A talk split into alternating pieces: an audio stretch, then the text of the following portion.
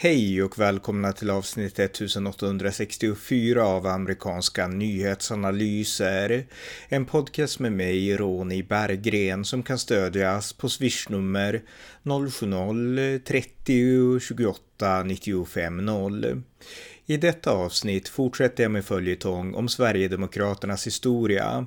Jag har tidigare intervjuat Sverigedemokraternas två första partiledare, Anders Klarström och Mikael Jansson, riksdagsledamot och tillfälliga partiledare Mattias Karlsson, den tidigare SD-riksdagsledamoten Kent Ekeroth samt gjort ett inslag om partiveteranen Jimmy Windeskog. Här samtalar jag med partiveteranen Anders Westergren som gick med i partiet 1991 om de tidiga åren där på 19 1990-talet, Sverigedemokraternas utveckling och Sverige med sikte mot framtiden. Varmt välkomna! Anders Westergren, välkommen! Tack, tack! Eh, vi ska prata lite grann om Sverigedemokraternas historia, därför att du är en av de få, kan man väl ändå säga, i jämförelse som var med i Sverigedemokraternas, eh, under Sverigedemokraternas tidiga år. Så att eh, jag tänkte börja med eh, liksom lite din bakgrund, när du gick med i Sverigedemokraterna och, eh, och varför, om du kan berätta det. Ja, jag betalade in min första medlemsavgift 1991. Och eh, jag blev ganska snart indragen i det aktiva arbetet. Det var ju väldigt få som var aktiva på den tiden så man behövde ju alla så att säga. Så lokalt här i, i kommunen i Hör i Skåne så, så blev jag ganska snabbt indragen i det praktiska arbetet här. Mm. Och eh, vad, vad handlade det om? Alltså vad, vad gjorde man på den tiden? Alltså hur såg partiarbetet ut? Ja, eh, 1991 hade, hade Sverigedemokraterna kommit in i Hörs kommunfullmäktige samtidigt med att man kom in i Dals Eds kommunfullmäktige. Så det var de två första kommunala mandaten vi fick i landet i valet eh, 1991. Så att det fanns ju två delar här. Dels opinionsbildande som mest bestod av att dela ut flygblad. Och dels så fanns det ju ett politiskt arbete. Vi hade ett mandat i Års kommunfullmäktige där Tina Hallgren satt. Och i valet 94 så stod jag på andra plats på den kommunala valsedeln och kom då in i kommunfullmäktige. Och sen satt jag där fram till, tror jag det var 2006. Just det, okej. Okay. Eh, det var jätteintressant, det vill jag komma in mer på om en stund. Men eh, vad var det som fick dig att gå med i SD? Varför? Alltså kunde man på den tiden se, var det invandringsfrågan eller var det någonting annat? Ja, jag får erkänna att det var främst det. Invandringsfrågan. Som jag hade ju, ska vi säga under senare delen av 80-talet sakta svängt från att ha varit försiktigt positiv till invandringen tills jag såg alla de negativa konsekvenserna och jag blev mer och mer kritisk. Och sökte egentligen efter ett, ett realistiskt alternativ som skulle kunna bromsa det som jag såg som marschen mot en katastrof. Uh, och då fanns det egentligen på den tiden när jag engagerade mig så, så var det ju egentligen tre här nere i alla fall i Skåne, tre alternativ. Det var Ny Demokrati och Sjöbopartiet och Sverigedemokraterna. Men Ny Demokrati tyckte jag från min horisont såg mest ut som någon slags högerpopulism av klassiskt snitt som inte tilltalade mig. Och Sjöbopartiet såg ut att bli, eh, vad ska vi säga, någon slags eh, avläggare till Centerpartiet med utstötta centerpartister som såg ut att bli stora just i Sjöbo kommun men inte ha någon större chans på riksnivå. Så, så Sverigedemokraterna framstod för mig som det mest realistiska och ideologiskt mest tilltalande alternativet. Men jag hade ju hade ju fått en uppfattning om att Sverigedemokraterna att det var någon slags nyfascism det hela och det var jag inte alls intresserad av att engagera mig i. Så jag närmade mig väldigt försiktigt, läste på väldigt mycket och deltog i några möten lokalt här innan jag bestämde mig för att betala in medlemsavgift. Jag ville absolut inte gå med i någon, någon slags eh, ny fascistisk organisation. Jag upptäckte ju att det var inte så som mediebilden framställde det, men eh, det tog lite tid för min del.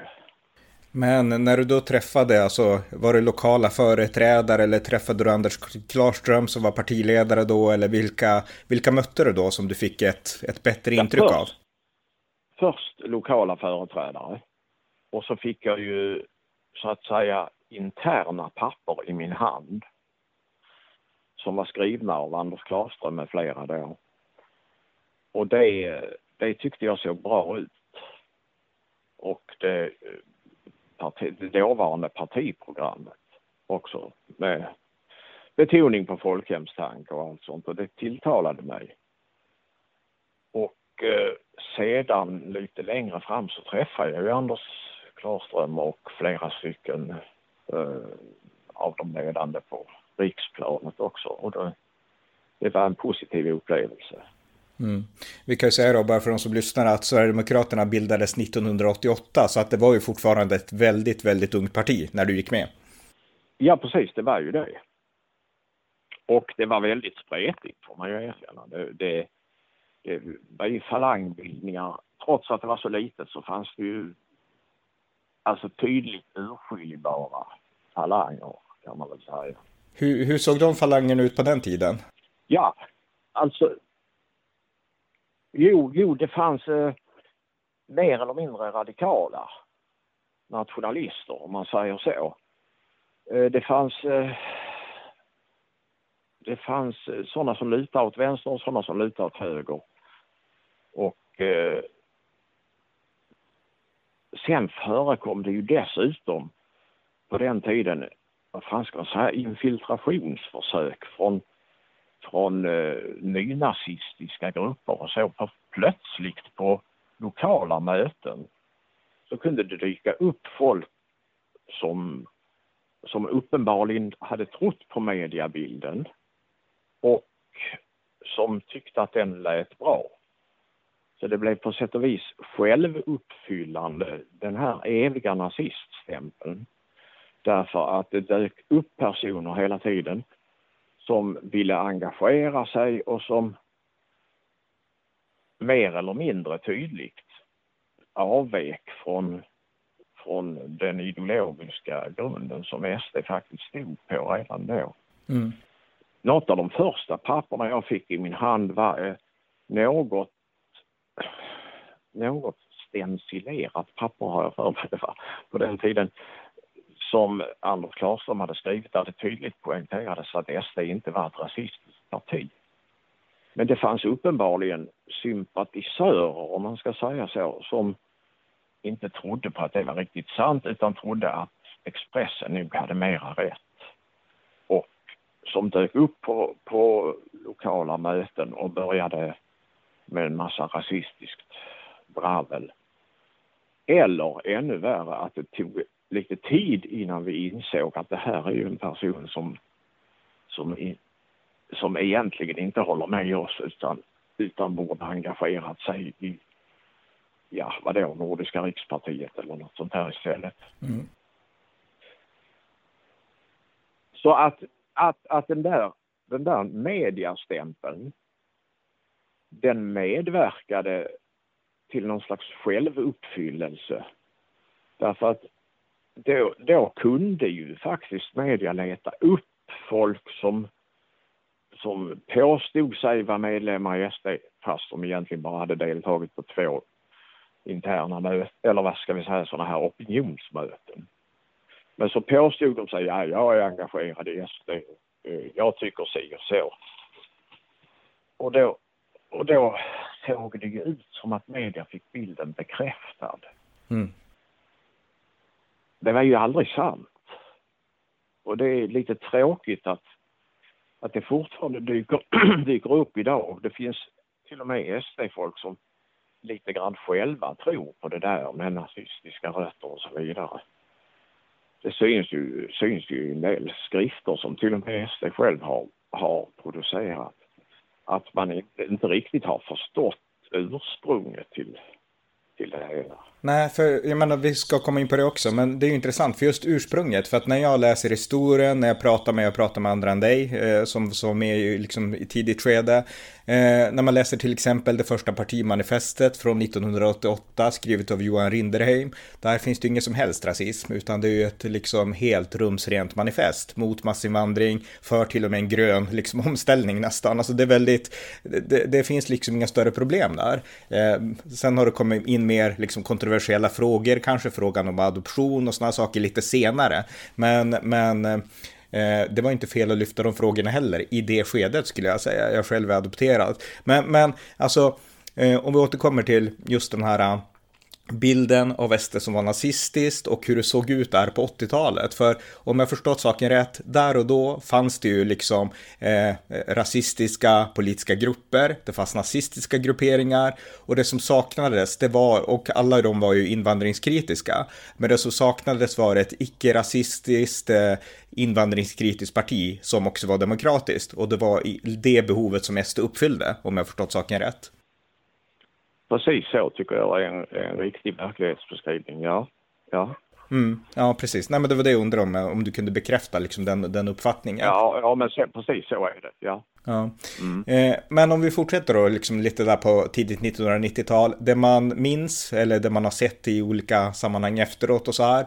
Det var ju att ni gjorde er, eh, eh ni syntes och ni hördes ganska mycket genom att ni höll stora demonstrationer. Ni trum, trummade på trummor och ni höll marscher och ni, ni höll demonstrationer vid Engelbrekt och Karl XII och, och liknande. Var du med på de demonstrationerna? Kan du berätta lite grann varför man gjorde så? För, för, ja. Mm. Mm. Jo, jag var med på flera, många av dem. Och det är väl lite grann så att är man liten men vill väldigt mycket så väsnas man väldigt mycket också. Och vi var ju väldigt små och vi ville mycket. Och vi lyckades väsnas. Men det blev inte alltid så lyckat. Eh, därför att det urartade ju ofta till kravaller. Vi, det fanns ju nästan ingenting vi kunde göra utan att det uppstod någon slags motdemonstration. Och motdemonstrationerna var ju egentligen våldsamma nästan alltid. För om det började med att det stod no några småtöser och skrek så efter en stund så, så började ju folk kasta stenar och flaskor och molotovcocktails och brandbomber av olika slag. Spikbomber och skit. Så, så det, det det blev ju nästan en regel. Vi visste ju att om vi höll en demonstration med ett par hundra personer så kommer det ungefär lika många motdemonstranter och de är beväpnade. Mm. Så det blev ju så att säga en dålig bild av oss. Så fort vi höll en demonstration, även om den var laglig och hade alla vederbörliga tillstånd och även om vi höll oss lugna så så blev ju tidningsrubrikerna i stil med att det pågick gatustrider och så vidare, vilket det ju faktiskt också gjorde ibland. Det, blev, det urartade ju till rena gatubråken. Och när Mikael Jansson så småningom tillträdde så var något av det första han, han införde var ju att, och lyckades genomdriva i partistyrelsen, var ju att eh, vi skulle helt upphöra med de här gatudemonstrationerna för att det gav en felaktig bild av oss som, som någon sorts gatustridsorganisation istället för ett politiskt parti. Mm ni uppfattades mer som en huliganrörelse, men det viktiga är här att betona och det är ju att det var ju, ni ville hålla demonstrationer och ni blev attackerade av AFA och av vänsteraktivister. Det var inte ni som var ute, nu ska vi gå ut och slåss, utan det var... Det nej, var... nej, det var det ju inte. Nej, det var det ju faktiskt inte. Men det finns ett stort men i det och det är exempelvis blev det övertydligt vid eh, de stora kravallerna i Växjö det måste ju ha varit 94. Då, eh, precis när vi, vi hade samlats i en park där, precis enligt polisens tillstånd och precis när vi skulle börja marschen så körde det upp flera stycken folkabussar. Och ur dem strömmade fullt med skinheads som vi aldrig hade sett förr och som helt enkelt anslöt sig och gick längst bak i vårt demonstrationståg. Polisen tyckte de såg ut, ja de ser ut som sd så vi släpper in dem där. Så där ungefär. Hmm. Så ni, ni, ni, ni kapades att, av nazister alltså? Kan man säga så? Ja, det kan man säga och det var inte enda gången som det dök upp ja, nazister. Jag vet inte om de var ideologiskt särskilt medvetna om någonting, många av dem, men, men det var, det var skinnskallar och likasinnade. Så att, att när sen väl AFA ganska snabbt efter vi hade gett oss iväg så, så blev vi stoppade av gatstenar och flaskor. Och då svarade ju många av de här nytillkomna med samma mynt. Så det uppstod i stort sett gatustrider redan från början, till exempel där i Växjö. Vilket nog är den värsta kravallen jag har varit med om som var det där. Just det. Mm. Men, men alltså om vi håller oss till, för det var intressant, för att då blir det ju inte lätt för media att liksom få det hela rätt heller, för journalisterna har ju ingen koll alls på vilka som är vilka, skulle jag tro, och vilka som är riktiga SD och vilka som inte är det. Men om man tar alltså våldet från vänstern, för min uppfattning är rent objektivt när jag har försökt liksom få en bild av det hela, att det är vänstern som har attackerat Sverigedemokraterna. Upplevde du själv de här attackerna personligt? Ja, oh ja, ja, ja. Ja, mm. Ja men berätta, jag berätta. Mm. Par, jag hade tur ett par gånger på Götgatan i Stockholm. Eh, en gång så, så blev vi hejdade av att det låg, låg lastpallar över gatan som någon försökte sätta fyr på och delvis lyckades. Så vi var tvungna att stanna upp och då började kastas en massa hemmagjorda bomber över oss. Ett, jag kommer ihåg att det hamnade ett fräsande litet, litet paket av silvertejp precis bredvid mig. Så jag, skulle, jag böjde mig ner för att ta upp det och slänga tillbaka det över lastpallarna där. Men då small det. Och ett skyltfönster precis intill gick sönder. Men hela smällen, hela explosionen råkade bara riktas bort från mig mot skyltfönstret och såg att det låg en väldig massa småspik där i, i skyltfönstret. Så det var alltså någon slags spikbomb som bara av en händelse råkade explodera åt andra hållet. Det satt väl ett lager silvertejp extra på den sidan jag råkade stå. Så där ungefär. Flera gånger hände sådana saker. Jag blev träffad av stenar och sånt också men inget jag blev aldrig allvarligt skadad. Mm. Ja. Men, men det hände ju att, att personer bland oss blev ordentligt skadade. Det, det hände ju och fick uppsöka sjukhus och så. Det, det, var ju, det hände ju flera gånger, även vid helt vanliga torgmöten, alltså inte demonstrationer utan bara torgmöte. Ett opinionsmöte med högtalare och ett par plakat när, när någon skulle hålla tal. Så det hände ju flera gånger, bland annat i Malmö, Lund, Örebro, Jönköping, ja och så vidare. Mm. Mm. Och det kan inte ha tillhört vanligheten hos de andra partierna att de blir överfallna när de håller torgmöten? nej, nej, nej. Eller att någon äldre dam fick föras till sjukhus och så här. Va? Och plåstras om efter att ha blivit träffade av konservburkar och så här. Det tror jag inte inträffade om Socialdemokraterna höll ett möte. Nej, men hur, eh, alltså det måste ju ha funnits ändå polisbeskydd eller polisövervakning. Det brukar ju alltid vara så vid demonstrationer och även vid torgmöten, inte alltid kanske, men alltså hur reagerade polisen då när det blev de här, alltså när de här sakerna hände? Ja, det var, det var lite, lite av ett lotteri tyckte jag. Därför att det berodde antagligen på det lokala polisbefälet hur, hur hans inställning till, till sitt arbete såg ut.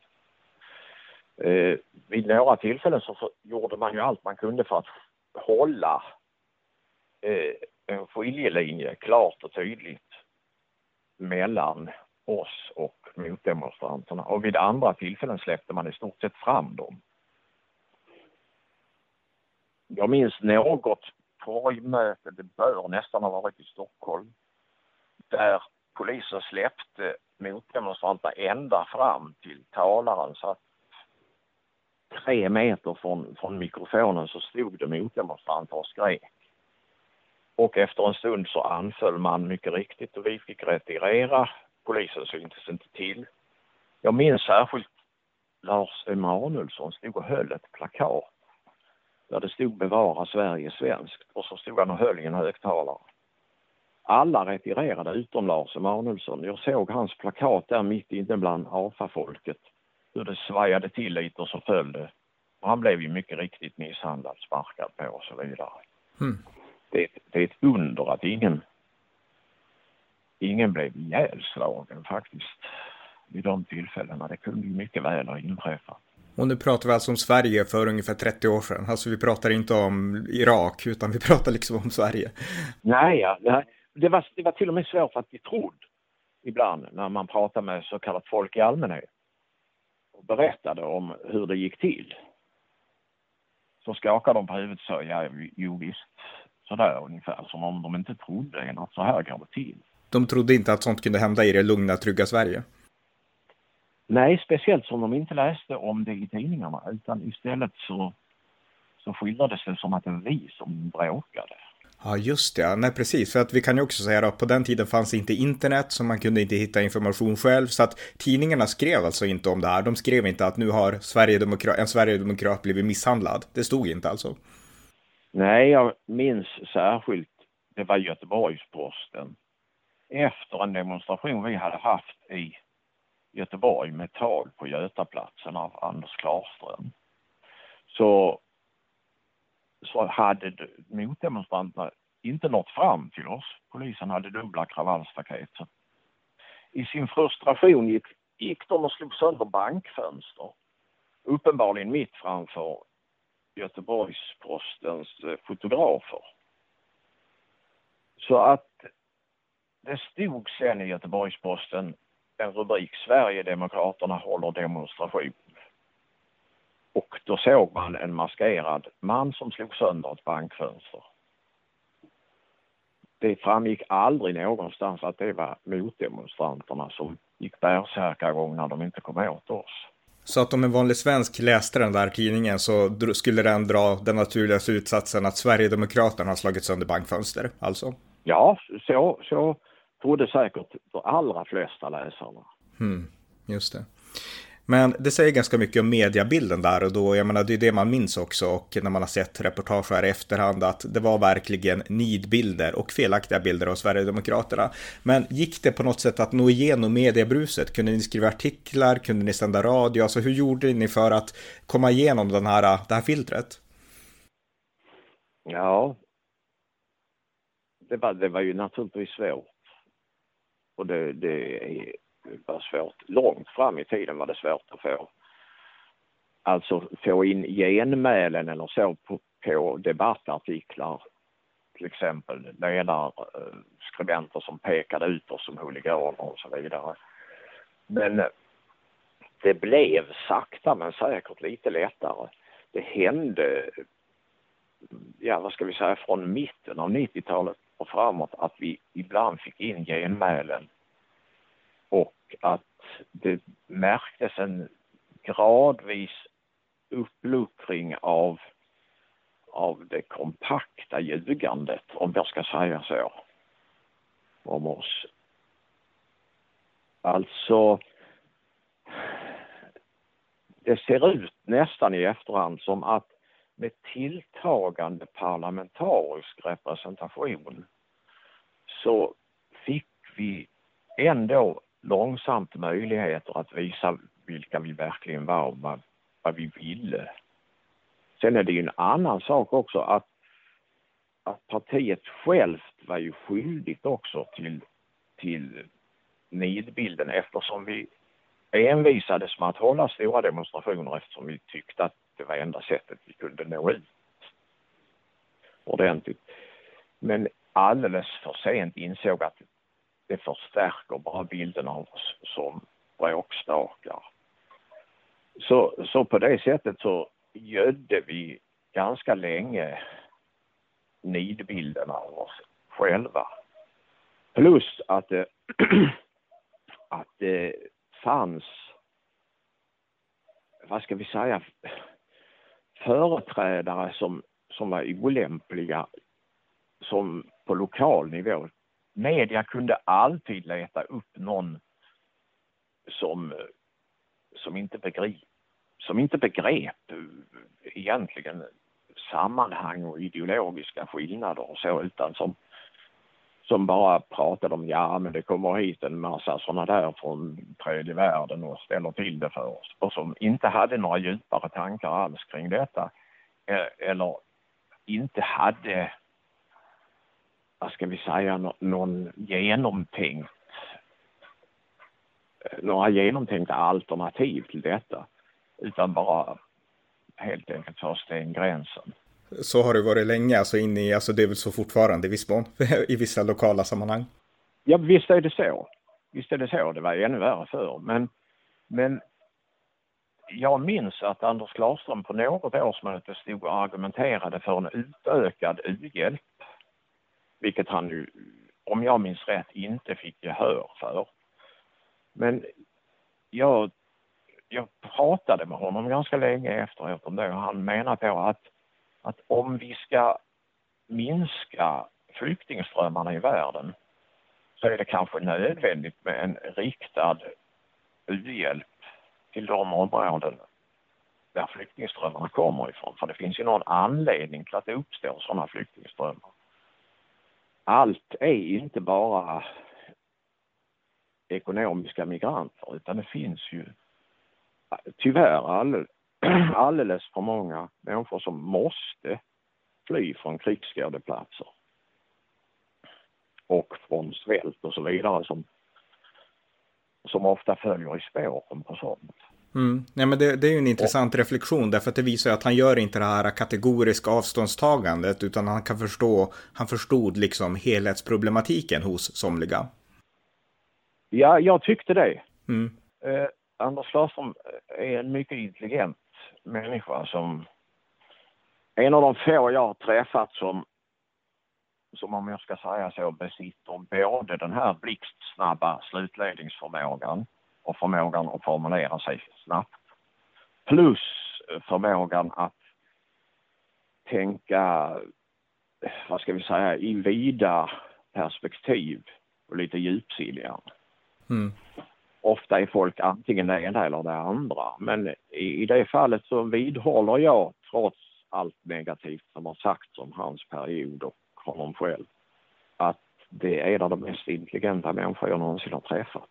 Mm. Jag har intervjuat honom och jag har fått ett bra intryck. Jag har även läst hans bok om Sverigedemokraternas tidiga historia, Primo Victoria, eller Prima Victoria kanske den heter. Blanda ihop det med Sabatons mm. låt.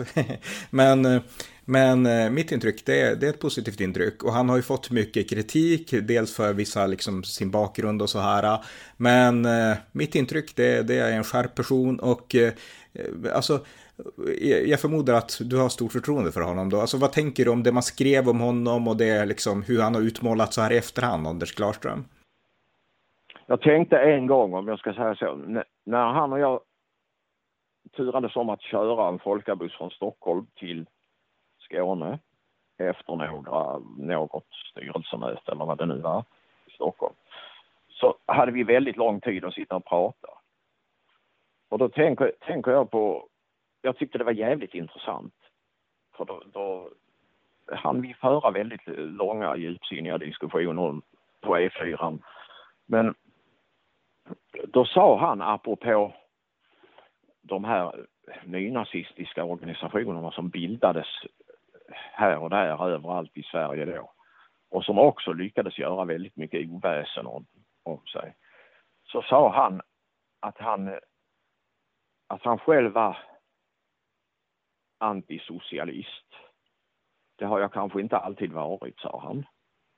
Utan i sin ungdom kanske sneglat lite åt det socialistiska hållet. Men han sa att han, hade, han, hade, han var övertygad antisocialist och, och så sa han apropå, för jag förde på tal de här nynazistiska organisationerna som då bildades, vad det nu hette, nationalsocialistisk front och sånt.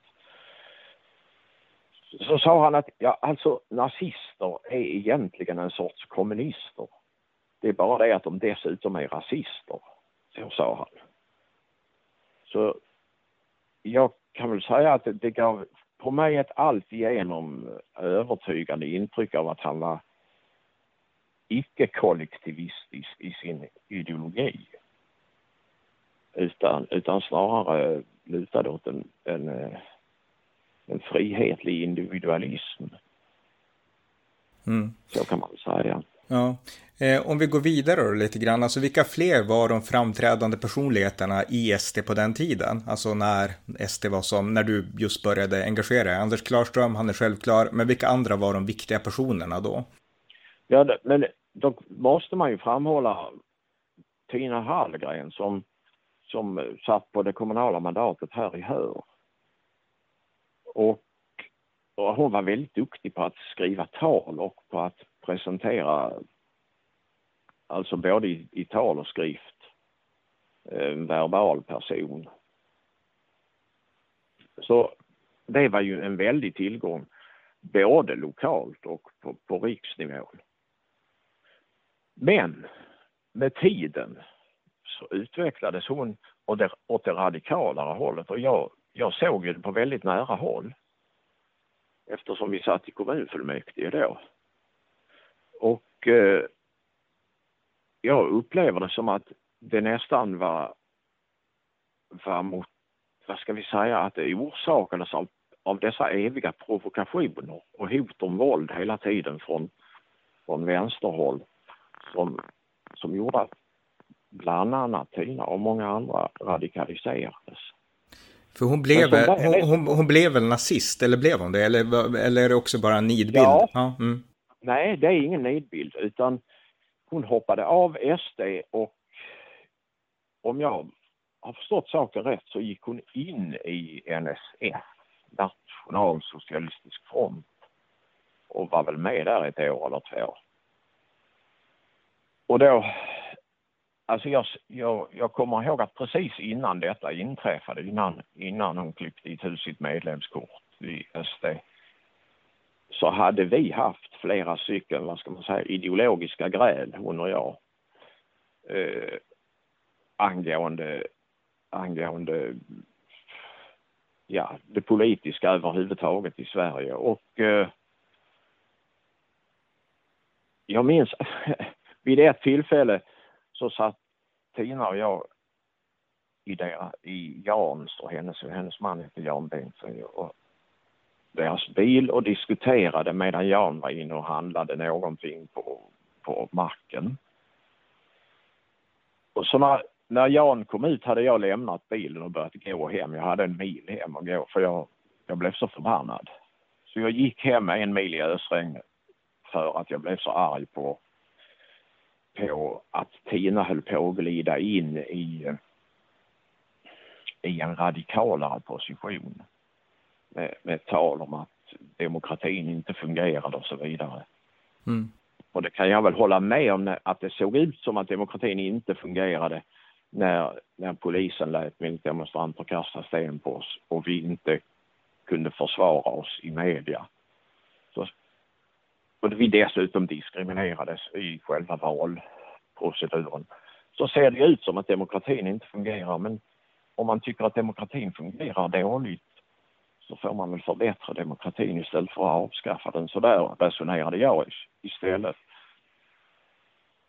Men precis efter det så försvann Tina och, eh, och redan innan det hade det väl personer som till exempel Johan Rinderheim återvänt till, till eh, partiet. Han hade haft en tids bortavaro och, eh, och, och i partistyrelsen så fanns det ju också väldigt bra och stabilt folk som ja, Torbjörn Castell och Thomas Andersson och så småningom här Mikael Jansson också. Så att eh, det, det, jag tyckte att utvecklingen gick åt rätt håll. Och de som inte tyckte det, utan som ville som ville dra åt ett annat håll, de försvann ju. Så att jag tyckte, tyckte väl att med, med sådana personer som så småningom då också Mikael Jansson som partiledare. Ja, och, och Jakob Eriksson, Torbjörn Castell, Thomas Andersson och så vidare så, så tyckte jag att det såg ut som en mer och mer stabil partibildning som allt mer liknade det partiet som jag hade som ideal för ögonen. Mm. Och så småningom Mikael Jansson, Björn Söder och så vidare också ju. Som, ja, vi, vi hade ju tyvärr kvar en kvarleva rätt länge. Eh, alldeles för länge och det var kravet på införande av dödsstraff i Sverige. Men redan från, från första dagen så, så försökte jag ju resa något motstånd mot detta som jag tyckte var någon slags barbari som inte hörde hemma i västerländska demokratier. Och sakta men säkert så växte ju oppositionen inom SD mot det här. Och man kan väl säga att med, med eh, Jimmy Åkessons och Mattias Karlssons och Richard Jomshofs inträde där så i, i, i de ledande kretsarna så, så blev det egentligen tungan på vågen. Till slut hade vi majoritet och kunde avskaffa detta strykade ur partiprogrammet. Mm. Men om vi stannar kvar lite grann innan vi går vidare vid 90-talet, för att det fanns ju vissa saker som man pratade om, jag tror att det var 94 i programmanifestet där om etnisk homogenitet, man var emot adoptioner. Och jag personligen skulle säga att det här är saker som idag kanske framstår väldigt kontroversiellt och väldigt så här, men på den tiden var Sverige helt homogent, i princip, inte helt, men i mångt och mycket ett homogent land, eh, så att var det mer naturligt kanske att diskutera de frågorna rent sakligt då än det skulle kännas idag? Ja, kanske det. Eh, kanske det därför att då hade man så att säga ett jämförelsematerial mellan eh, etniskt splittrade länder. Ja, Libanon eller, eller eh, olika sydostasiatiska eller afrikanska länder där det pågick inbördeskonflikter. Och så då de nordeuropeiska rätt så etniskt homogena samhällena, då såg det ut som att det var trollformeln. Att eh, behålla landet etniskt homogent. Vad man nu menar med etnicitet, det, det har jag insett att det, folk lägger olika betydelse i det. En del tolkar det biologiskt, en del tolkar det historiskt, kulturellt och så vidare. Men det, det det framstod väl som mindre, för oss i alla fall, mindre kontroversiellt och kanske som vi såg det inte så lätt att eh, missförstå. Men det, det missförstods ju ändå. Mm. För det utmålades ju som rasistiskt. Jag menar, idag så finns det ingen anledning att prata om etnisk homogenitet, för Sverige är inte etniskt homogent idag. Men, men då var det ju ett, ett annat, det var ju ett annat faktum då. Alltså man stod inför ett val. Ska Sverige bli ett mångkulturellt och multikulturellt land eller ska man vara som Sverige ändå har varit fungerande i hundratals år och som hela Norden har varit. Jag menar, vi kan titta på Östeuropa som har varit alltså diversifierat på helt andra sätt och de har fått uppleva krig och inbördeskrig som Norden har klarat sig ifrån egentligen politiken i mångt och mycket. Så att eh, det var ju en legitim diskussion där och då skulle jag säga. Men så här i efterhand så är det lätt att betrakta det som, eh, ja, det tittade där var ett rasistiskt parti och där och då så använde motståndarna samma argument. Men där och då var det förmodligen en legitim diskussion utifrån förhållningsläget där och då, tänker jag. Så som vi själva såg på det, ja. Ja. Mm. Så, så låg det ju, låg det ju i alla fall för min del ingen, ingen rasistisk värdering i det. Men det tolkades ju så. Och eh, om man ser på hur det ser ut idag som du säger så, så kan man väl konstatera att Sverigedemokraterna är inte ens ett etniskt homogent parti. Det finns väldigt många invandrare. Jag, jag ska säga att min jag har träffat väldigt mycket invandrare i SD. Min, min eh, uppfattning om, om folk som har invandrat till Sverige har blivit mer positiv tack vare mitt engagemang i SD. Det låter kanske konstigt men jag har träffat väldigt många invandrare inom SD som helt enkelt delar uppfattningen att det här mångkulturella samhället fungerar inte. Mm. För man kan väl säga, ja absolut, jag håller med om det. För jag menar, där kan man ju säga att eh, eh de som är naiva, det är ju svenskarna generellt. Svenskar, de har ingen koll på hur världen fungerar, de förstår inte problematiken med islamism till exempel. Medan invandrare som har flytt från de länderna, de förstår det exempelvis. Ja, precis, precis, ja, mm. precis. Eh, men jag tänkte också... Det, det, ja. ja, jag säga en sak där apropå antisemitism. Mm. SD utmålas ibland som ett antisemitiskt parti och det är det ju inte. Men det, det kan ha funnits en anledning till att vissa SD, åtminstone i början, såg med viss misstänksamhet på, på en del judiska debattörer och så i Sverige som gick till så våldsamt angrepp därför att man kan, man kan förstå att de var rädda för nationalism i, alltså i dess rätta bemärkelse. Därför att historien har visat att nationalism ibland går hand i hand med antisemitism. Men jag förutsåg, jag kommer ihåg någon diskussion internt just angående varför så många judiska kulturpersonligheter och skribenter tog ställning mot oss när de egentligen borde, borde välkomna vår, vårt motstånd mot islam. Men då, då var just den här diskussionen uppe om att det kanske är naturligt att man från den sidan är rädd för nationalismen. Till den milda grad att man inte ser att faran egentligen kommer från, från islamism. Och egentligen har tiden gett oss rätt för att nu har vi, är det ganska många med judisk bakgrund som sympatiserar med SD. Mm. Och min, min, jag hade en gång i världen, ska jag säga, en ganska pro-palestinsk inställning. Men den har förändrats till sin absoluta motsats.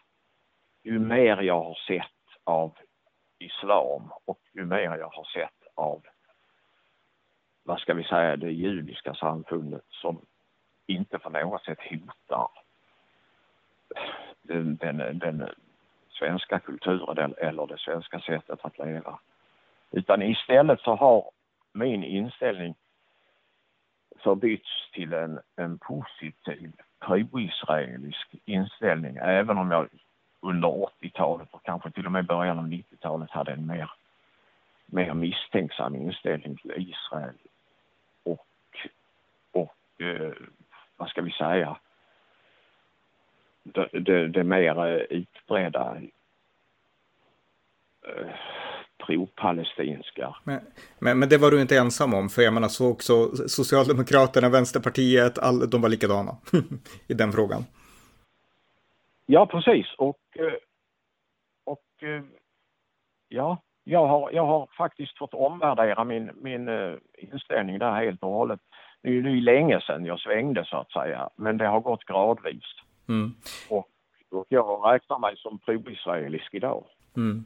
Jag tänker om du har tid så ställer jag gärna lite fler frågor om alltså Sverigedemokraternas utveckling. Därför att mycket av det vi pratar om, det här etnisk kommunitet, abort, äh, äh, aborter, på säga, äh, adoptioner och liknande, det lämnade man ju där på 90-talet och med Jimmie Åkesson och så, så kom det en helt ny inriktning och eh, man, liksom, man fokuserade lite där på nytt. Eh, hur skulle du beskriva alltså Sverigedemokraternas utveckling under 90-talet eh, och början av 2000-talet? För det var ju också, alltså det vart ju interna falangstrider. Nationaldemokraterna bröt sig ur och så. Kan du berätta lite om den tiden och hur du liksom reflekterade och upplevde den?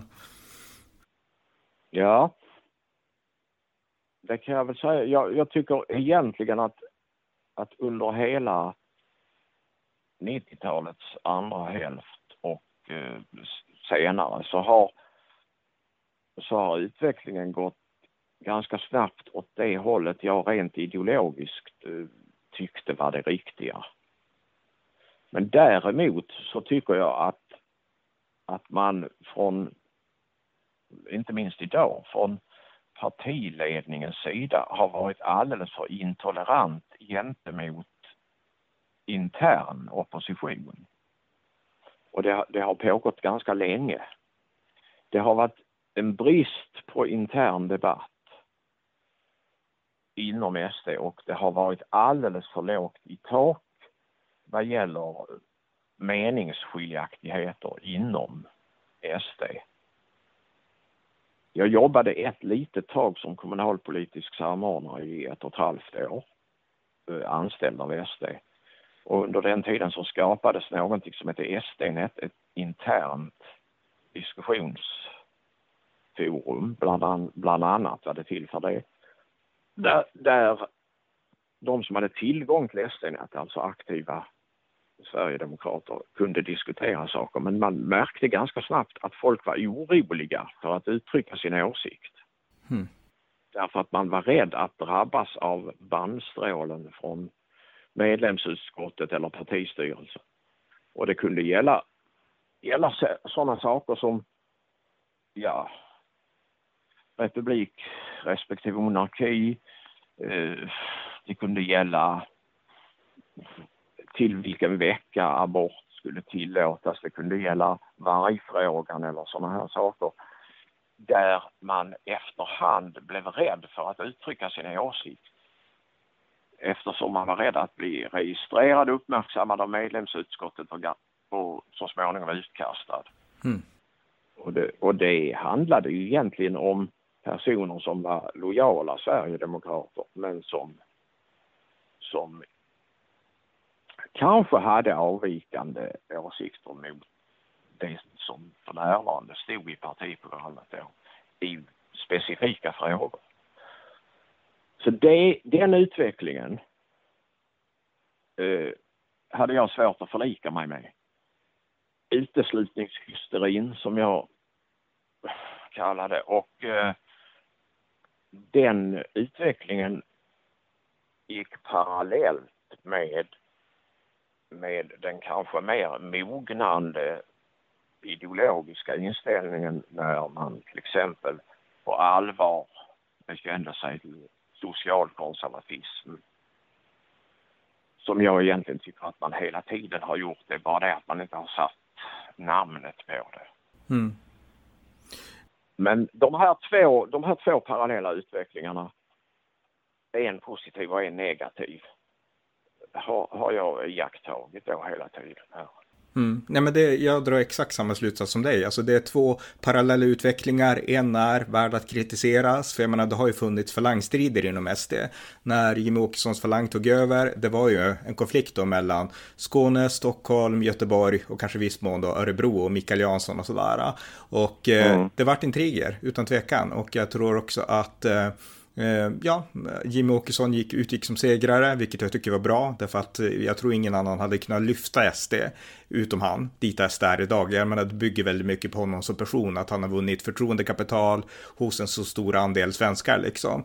Eh, samtidigt så finns det två olika spår, och det har jag noterat, för SD släppte ju en vitbok, var det förra året som jag läste, jag tror att det skulle, eller om det ska komma del två också, men där var det ju väldigt tydligt att man på något sätt ville dra ett streck. Eh, alltså i, i den här historiebeskrivningen, då var det ungefär som att SD längre tillbaks, när du var medlem, tidigt 90-tal, då var de nästan nazister. Man kanske inte säger så rakt ut, men det var skumma kopplingar till liksom BSS och det var liksom, och så liksom lägger man fokus på det. Och sen är det ungefär som att nu drar man ett streck och nu är det något nytt ungefär. Alltså man har inte den här heltäckande partihistorien, vilket jag kan tycka är lite synd. Ja, det är nästan som att man, man tycker att man är tvungen att medge en del av nidbilden som media har skapat. Tvungen att medge det, men nu struntar vi i det ungefär och så går vi vidare. Mm. Men man vågar inte ge sig in på diskussionen huruvida den här mediebilden faktiskt var i grunden felaktig redan från början. Nej. Lite, lite grann så, ja. Mm. Och det tycker jag är synd, därför att jag menar, min läsning av när jag liksom försöker studera SDs historia, det är ju inget snack om att eh, Anders Klarström var på vissa möten med Nordiska rikspartiet och det kan man diskutera, man kan diskutera den här Gösta Ekberg eller vad han hette, Ekström och så vidare. Men alltså SDs röda tråd, det är att det var ett parti som grundades som ett demokratiskt parti, därför att det fanns inga andra sådana som var kritiska mot massinvandringen. 1991 och även 1988 så kritiserade man massinvandring, man kritiserade islamism, islamisering, man betonade återvandring. Alltså samma saker som man betonar idag. Så det finns en röd tråd i SDs historia och jag tror att SD skulle gynnas av att liksom ha den här helhetsbilden av hela partiet istället för att splittra sig att nu är det något nytt. Alltså, och då undrar jag varför tror du att det är så? Att man måste liksom skära av historien på mitten och säga att vi är det nya SD, liksom nya Moderaterna, nya SD. Beror det på att man inte har koll på partihistorien? Beror det på att man liksom, eh, ja, vad beror beror på, tänker du? Både och. Jag tror att det till viss del beror på att man inte har koll på partihistorien, även om man borde ha det. Eh, men det beror, tror jag, också på en ängslan att inte stöta sig allt för mycket med, med eh, mainstream media, om man säger så. Eh, man vill inte ta en strid om, om saker som har hänt i forntiden. Även, även, även om man med fog kan hävda att det som, det som SD har stått för, det är det som står i partiprogrammen. Hur gamla de än är, så är det det som gäller. SD har, har inte all... SD har styrts av partiprogrammen och, och de besluten som ligger till grund för det inte av vilka personer som har suttit på ett lokalt möte i, i Gnesta eller i Hässleholm och pratat en massa skit. Utan det som har gällt har hela tiden varit partiprogrammen. Inte den som, som nå, Sveriges Television har kört en mikrofon under hakan på och, och lyckats få säga en massa dumheter. Det har hela tiden varit partiprogrammet som har gällt och det, det är bara till att läsa sig till vad, vad det är som SDs medlemmar har beslutat om. Mm. Sen antar jag att det har funnits en tid när det har varit väldigt, alltså man måste orientera sig. Jag tror ju att Jimmie Åkesson har varit väldigt bra på det, att liksom verkligen känna av när man måste hålla balansen för att kunna komma vidare. Men jag menar, Idag så är ju Sverigedemokraterna så pass starka att det finns ju ingenting som hotar SD som, alltså SDs position idag. Därför att alla fattar att SD hade rätt i analyserna av massinvandring. Eh, förtroendekapitalet är enormt, SD är ett starkt, stort parti idag. Så jag menar, jag tycker att idag borde man ha modet att våga ta det helhetsgreppet och liksom byta liksom fot och inte hålla på och liksom prata om att det var, allt var dåligt då och sådär. Och liksom, utan ta det heltäckande greppet, tillstå att det fanns idioter i partiet, allt vi har gjort är inte bra, men vi är ändå partiet Vänsterpartiet som konsekvent från start har drivit kritiken mot massinvandringen och vi har gjort det hyfsat balanserat, inte varje enskild individ, inte alla gånger kanske, men vi har ändå gjort det som inget annat parti gjorde. Jag tycker att det är liksom det, man borde knyta samman säcken idag, tycker jag. Ja, precis. Ja, precis. Man kan, ju, man kan ju se till hur vi har agerat i beslutade församlingar. Vi har ju, vi har ju aldrig, vi har ju fått efterhand mer att säga till om i sådana beslutande församlingar. På, om vi tar till att börja med kommunal och regional nivå så inte har vi kämpat för att införa något eh, särskilt som idag framstår som särskilt kontroversiellt eller rasistiskt.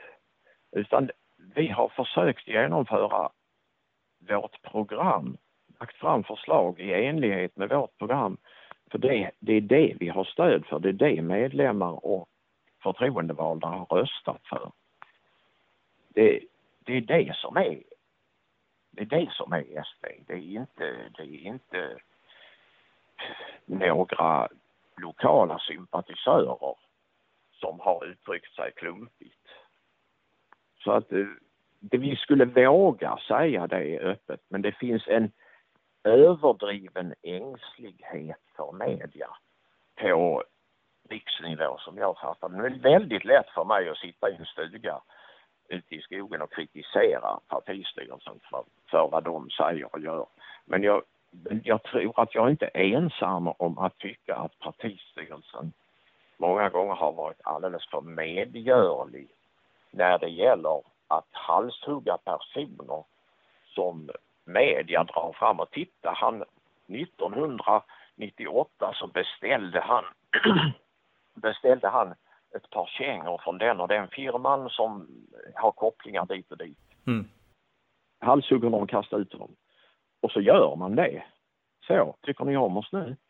Så där ungefär ser det ut från min horisont. Ja, Ja, nej, men det, det, är en rimlig liksom, iakttagelse det tycker jag. Men sen skulle jag säga också, alltså, om vi, vi ska snart gå vidare till, till det sista stycket här, men eh, idag så finns det ju inte så många inom SD. Eh, visst, några i den högsta falangen, några stycken där kanske. Eh, Jimmy och Richard Jomshof och några till. Men de flesta som är med i SD idag, även i liksom, deras yttersta ledning, de har ingen som helst koppling till, alltså inte ens det sena 90-talet. Så att de har ju verkligen ingen koll. Så att det finns ju väldigt få, om ens någon inom SD, som har den här helhetshistorien kvar? Nej, det är väldigt få personer i alla fall. Och därmed så, så är det lättare att, att medlemmar och aktiva själva köper nidbilderna av hur det såg ut på 90-talet. Mm. Ja, precis. Och det är de nidbilderna som jag med den här podden vill motverka. Jag har som en sista fråga, alltså Sverige, hur anser du att Sverige har utvecklats under den här tiden som du har varit? Jag menar, du varit engagerad här i, i början av 90-talet, för du tyckte att utvecklingen gick åt fel håll. Så här, äh, ja men mer än 30 år senare, vad säger du om utvecklingen i Sverige? Och äh, ja, hmm, det är min sista fråga. Fan vad jobbigt det är att alltid få rätt. ja. Jag sa, jag sa en gång i början på 90-talet att, att det här kan inte hålla. Antingen så går vi mot något slags kaos och inbördeskrig eller så måste demokratin avskaffas och ingen vill ha någonting av detta. Det, det värsta jag kunde se framför mig var både och, att demokratin avskaffas. Det vill säga att man försöker tvinga folkgrupper att leva tillsammans som inte vill leva tillsammans som, man, som Tito gjorde i Jugoslavien. Mm. Så fort han föll så, så bröt det loss. Så, jag, jag förutspådde att antingen, antingen går vi mot kaos eller avskaffa demokrati och jag vill inte uppleva något av det. Så detta är den stora chansen som jag såg SD då. Att motverka detta, försöka förhindra detta bromsa Radetzky-marschen innan den faller över kanten. Så. Ja, och det är väl fortfarande det hopp vi får hoppas om när det hoppas på när det gäller SD, att de kan styra upp det även om det har gått 30 år. Så att, eh, ja. SD, SD är fullt, SD är alldeles fullt med fel och misstag. Men, men framstår ändå ur min synvinkel som det, som det enda realistiska alternativet för att förhindra samhällsunderfall. Så säger jag det. Ja. ja, men med det sagt så vill jag säga tack till dig Anders Westergren för det här mycket intressanta samtalet. Stort tack! Ja, tack ska du ha. Ja. Tack för att ni har lyssnat på amerikanska nyhetsanalyser. En konservativ podcast som kan stödjas på swishnummer 070-30 28 950 eller via hemsidan på Paypal, Patreon eller bankkonto. Skänk också gärna en donation till valfri Ukraina-hjälp. Vi hörs snart igen. Allt gott tills dess.